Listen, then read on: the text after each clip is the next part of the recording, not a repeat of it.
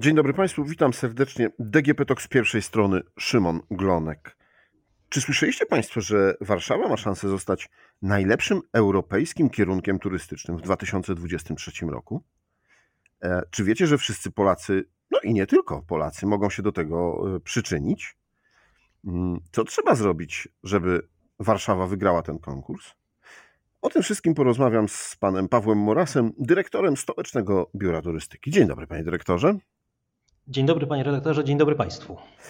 E, no to co to za konkurs? Proszę powiedzieć. Konkurs e, European Best Destination, jak to oficjalnie ładnie po angielsku się nazywa, to plebiscyt, który organizowany jest od 14 lat, od roku 2009 przez organizację non-profit z siedzibą w Brukseli, organizację, która ma właśnie taką nazwę European Best Destinations, współpracującą z Komisją Europejską, siecią EDEN, Komisji Europejskiej, e, czterech, ponad 400 destynacji europejskich współpracuje e, w ramach tej organizacji oraz wiele znamienitych tytułów prasowych, medialnych, które promują e, ten właśnie konkurs i działalność European Best Destinations.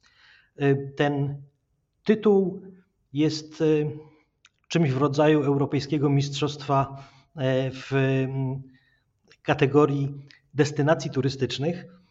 I sama nominacja Warszawy do ścisłego finału, do finałowej dwudziestki to dla nas ogromne wyróżnienie i ogromny sukces, bo już z samą obecnością w tym finałowym gronie e, łączą się bardzo wymierne korzyści dla miasta w zakresie wzmacniania jego wizerunku, promocji go na całym świecie, ponieważ organizacja jest co prawda europejska, ale konkurs ma wymiar globalny, a prawie połowa uczestników oddających głosy w plebiscycie to osoby zamieszkałe poza Europą. Tak było w ostatnich, w ostatnich latach.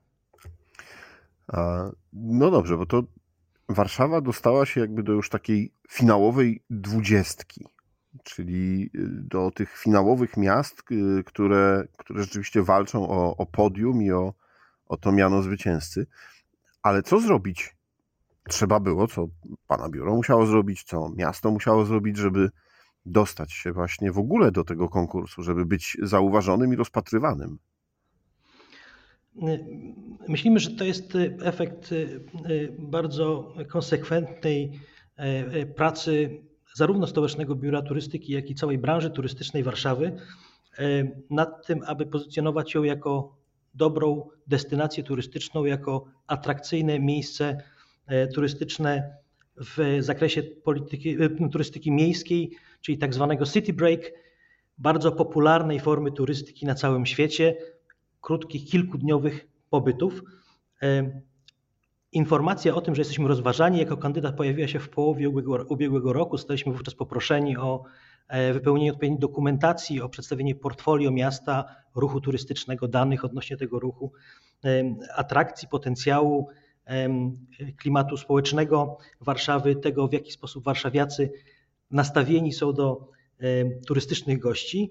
I na podstawie tego dokumentu e, kapituła, e, która zebrała się w Brukseli jesienią, w listopadzie, pod koniec listopada zakomunikowała nam tę nominację, która e, była dla nas może nie zaskoczeniem, ale ogromnym zaszczytem, dlatego że konkurujemy z prawdziwymi potęgami. O tym, jaka jest stawka finałowa, o tym, z kim konkurujemy, dowiedzieliśmy się dokładnie w momencie rozpoczęcia głosowania, ponieważ o ile sama nominacja ma miejsce na mocy e, decyzji gremium eksperckiego, o tyle sam finał jest w rękach publiczności. Głosowanie, o którym mówimy, ma charakter internetowy i otwarty. Każdy, mały i duży, młody i nieco starszy, ma możliwość codziennie oddać głos na swoją ulubioną turystyczną destynację. I ten e, plebiscyt trwa już od ubiegłego piątku, od 20 stycznia i zakończy się w południe 10 lutego. Tak więc każdego dnia możemy oddać głos na Warszawę w plebiscycie European Best Destinations 2023. poprzez wejście na stronę internetową European Best Destinations albo bezpośredni link, który stworzyliśmy do karty głosowania, tak aby uprościć tą procedurę.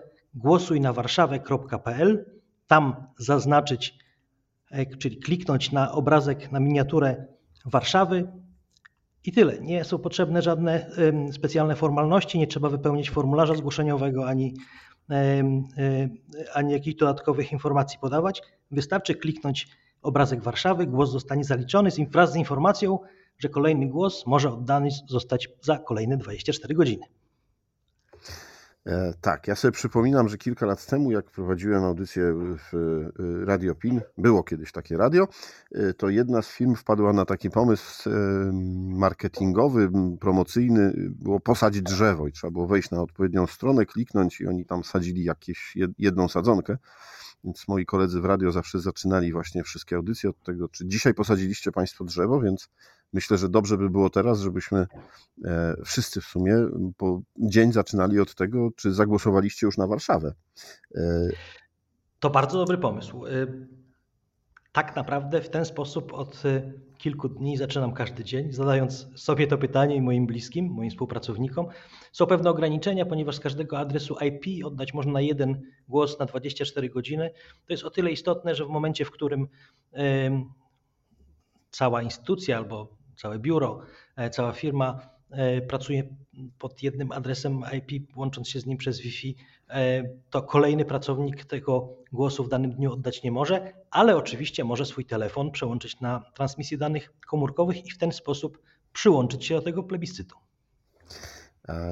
Jakie są korzyści? Takie, takie najbardziej wymierne, takie, które mogą poczuć warszawiacy z tego, że nagle ich miasto zostanie oby zalane przez falę turystów.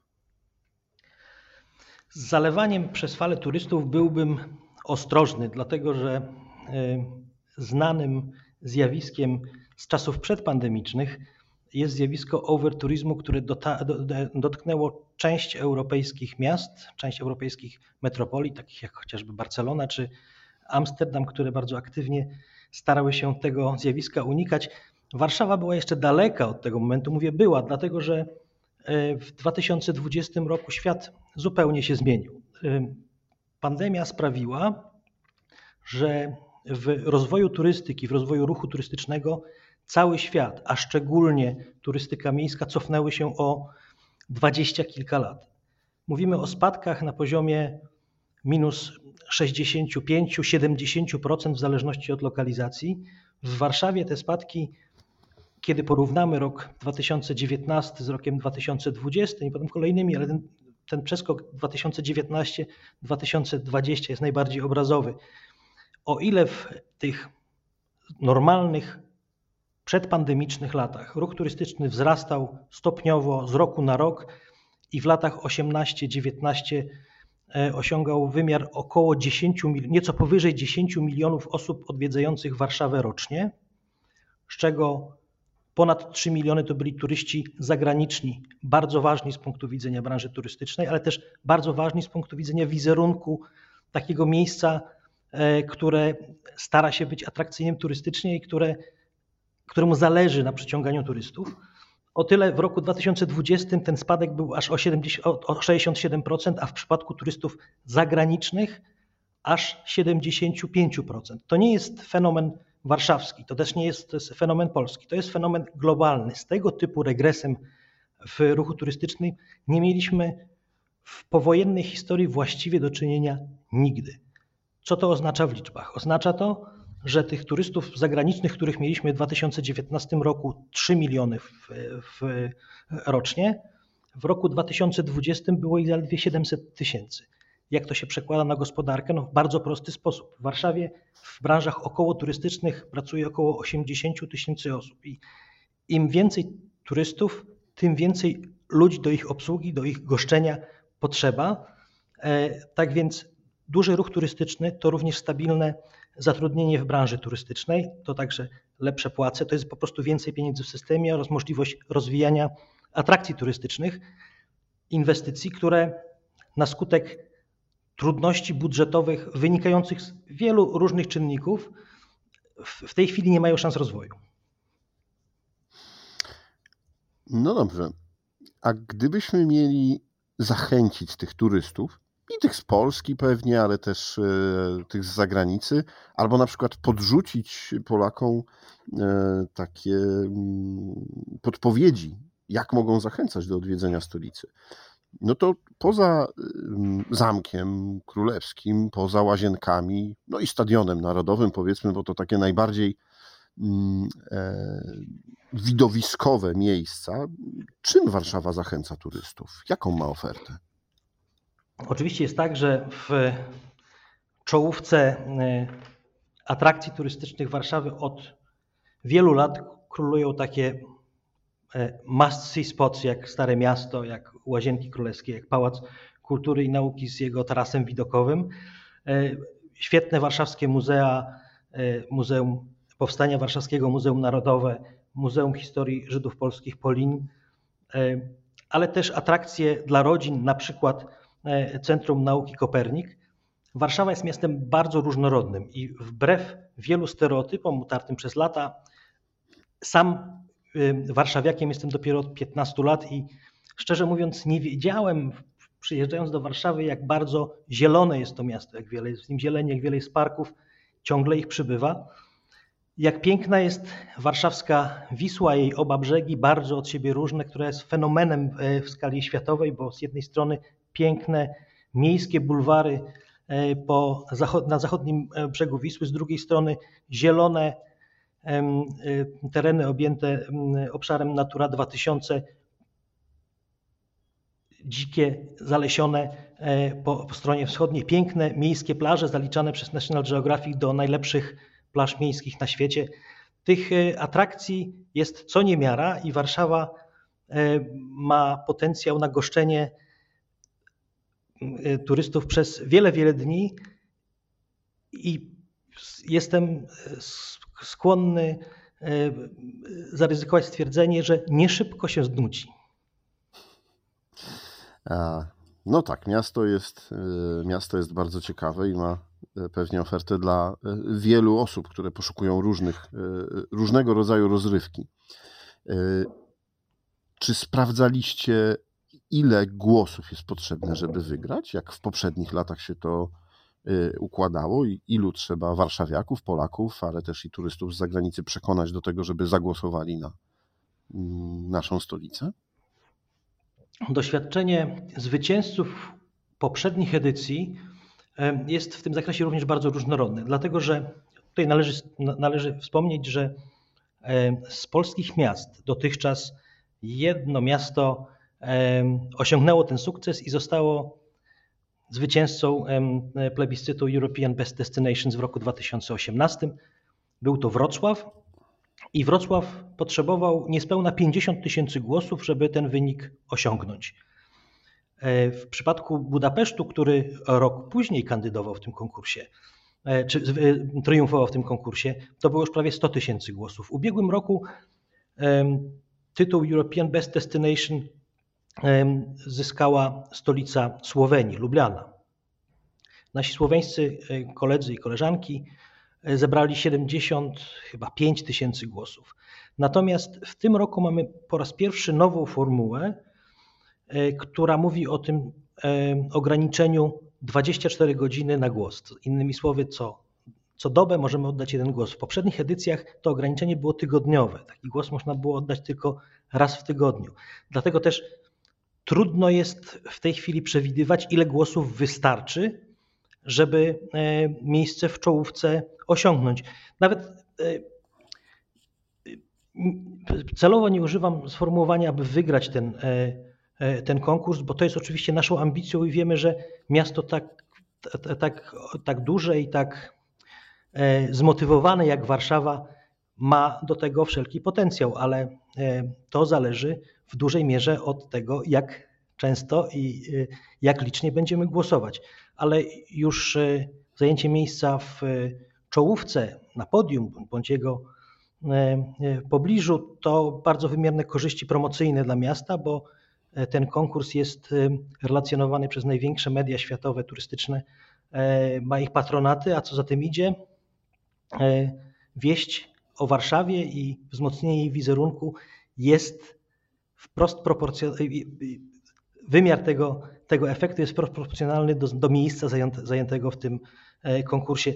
Trzeba też stwierdzić, że to jest konkurencja mm, w, w głównej kategorii, która e, zawiera destynacje zarówno wielkomiejskie, takie jak poza Warszawą Wiedeń, Londyn, Praga, Ateny, e, ale też e, miejsca typowo wypoczynkowe, które kojarzą nam się z letnimi wakacjami, takimi jak wyspa Rodos, jak wyspa Milos w Grecji, jak, jak Azory, Madera, jedno z miasteczek na Majorce. Trudno jest te destynacje ze sobą porównywać, natomiast mamy wielką przewagę jako duże miasto, a zatem duży własny potencjał mobilizacji głosów warszawiaków i Polaków, bo pamiętajmy, że Warszawa jest jedynym polskim miastem w tej stawce. No tak, jak Państwo słyszycie, konkurencja bardzo duża, więc y, E, może warto tak trochę powiedzmy na ambicje, żeby nam wjechać i wygrać z Wiedniem czy Londynem. E, kiedyś, e, jeśli chodzi o na przykład naszą giełdę, mocno konkurowaliśmy z giełdą wiedeńską, giełdą papierów wartościowych, więc może tutaj też nasze stolice powalczą o, o turystów. Mm, mówił Pan o tym, jak turyści wpływają na branżę turystyczną, na branżę hotelarską, na całą obsługę, gastronomię. A czy jest? Pewnie jest. Policzone, ile turysta zostawia pieniędzy w Warszawie i ile to mniej więcej jest, y, jaki zysk jest też dla miasta i w co miasto te pieniądze z turystyki inwestuje? To jest y, tak, że dane, które w, którym w tej chwili dysponujemy, dotyczą czasu sprzed pandemii, ponieważ badania wpływu turystyki na gospodarkę przeprowadzamy raz na 3 bądź 4 lata i kolejne takie badania w roku przyszłym będą e, mierzyły wpływ gospodarki e, na turystykę w roku 2023. Natomiast te dane z, z lat 2018-2019 mówią o tym, że E, przeciętny turysta zostawiał w Warszawie niespełna 800 zł, przy czym ogromna różnica jest między turystą krajowym a turystą zagranicznym, bo turysta krajowy plasował się mniej więcej na poziomie 400 zł zostawionych e, podczas pobytu w Warszawie, wydanych podczas e, pobytu w Warszawie, natomiast turysta zagraniczny aż 1600 zł, nawet ciut więcej, co pokazuje, jak ważnym dla e, każdego z miast jest, jest rynek międzynarodowy, to znaczy jest liczba turystów zagranicznych, aż czterokrotnie więcej pieniędzy zostawiają oni niż turyści krajowi.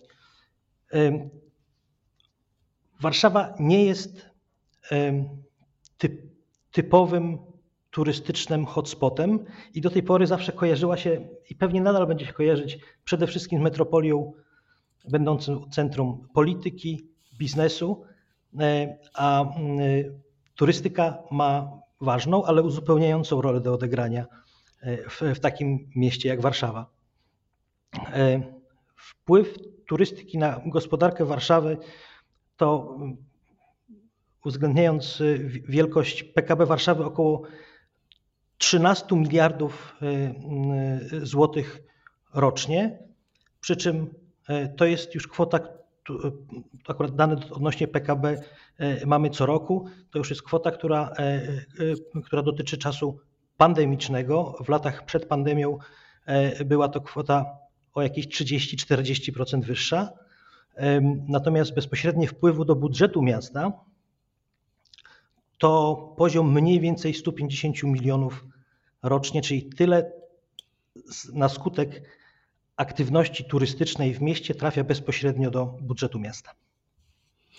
Myślę, że te liczby powinny zmotywować samych warszawiaków na głosowanie, no bo te pieniądze zostają w jakiś sposób w mieście i, i, i są e, zagospodarowane, zainwestowane e, w jego rozwój. No dobrze, to przypomnijmy, tak, to przypomnijmy, gdzie y, mieszkańcy, gdzie nasi słuchacze mogą głosować. Powtarzam, procedura jest bardzo prosta. Wystarczy wejść na stronę głosujnawarszawę.pl, kliknąć na obrazek Warszawy, na miniaturkę e, z Pałacem Kultury. W ten sposób oddajemy głos na nasze miasto, na stolicę Polski i otrzymujemy potwierdzenie z informacją, że kolejny głos możemy oddać za 24 godziny, do czego gorąco Państwa namawiam. No dobrze, Panie Dyrektorze, to jeszcze ostatnie pytanie. Pańskie polecenie na weekend w Warszawie. Powiedzmy, że jakiś turysta chciałby skorzystać y, z Pana doświadczenia, z Pana porady. Jakby Pan taki weekend zaplanował? E, takich rekomendacji mamy cały szereg na naszej stronie www.gotowarsaw.pl. E, przedstawiamy tam scenariusze pobytu w Warszawie e, w zależności od długości tego pobytu na jeden, dwa bądź trzy dni. Jeśli mm, nasz potencjalny turysta po raz pierwszy pojawia się w Warszawie, rzecz jasna, zarekomendowałbym mu taki program obowiązkowy obejmujący Starówkę, Łazienki Królewskie, Pałac w Wilanowie, ale żeby ten pobyt nie miał charakteru wyłącznie historycznego, bardzo rekomenduję warszawski Skyline, zobaczenie go z tarasu e, Pałacu Kultury i Nauki, który to teraz niedługo zyska bardzo poważną konkurencję, bo wiosną otwarty zostanie e, taras widokowy na szczycie najwyższego budynku Unii Europejskiej, czyli Warsaw Tower, który to taras będzie miał jeszcze dodatkową przewagę taką, że z niego będzie widać również Pałac Kultury i Nauki, który lubiany czy nielubiany jest warszawską ikoną i takim miejscem, które z Warszawą najbardziej się kojarzy. Ponadto należy wspomnieć o tym, że w w związku z tym konkursem, o którym mówimy, w związku z European Best Destinations, Warszawa jest wyróżniona w kategoriach, które być może będą podpowiedzią dla osób, które planują pobyt w Warszawie. Po pierwsze, kategoria kulturalna, czyli Best Cultural Destinations, Mnogość instytucji kultury, teatrów, muzeów w Warszawie to jest niekończąca się lista i trudno tutaj o nudę. Druga kategoria to kategoria kulinarna. Warszawska scena gastronomiczna w ostatnich latach zrobiła gigantyczny postęp.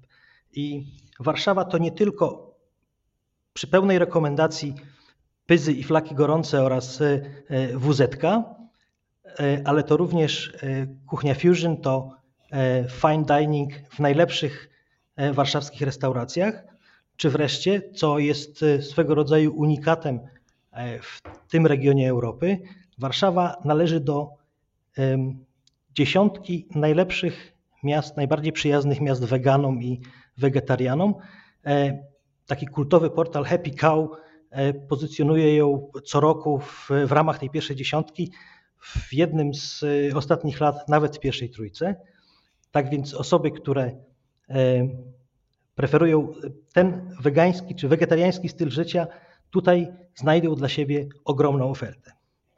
I wreszcie e, istotna, istotna kategoria, również wyróżnienie w ramach tego konkursu europejskiego, to uznanie Warszawy za jedno z najbezpieczniejszych miast w Europie.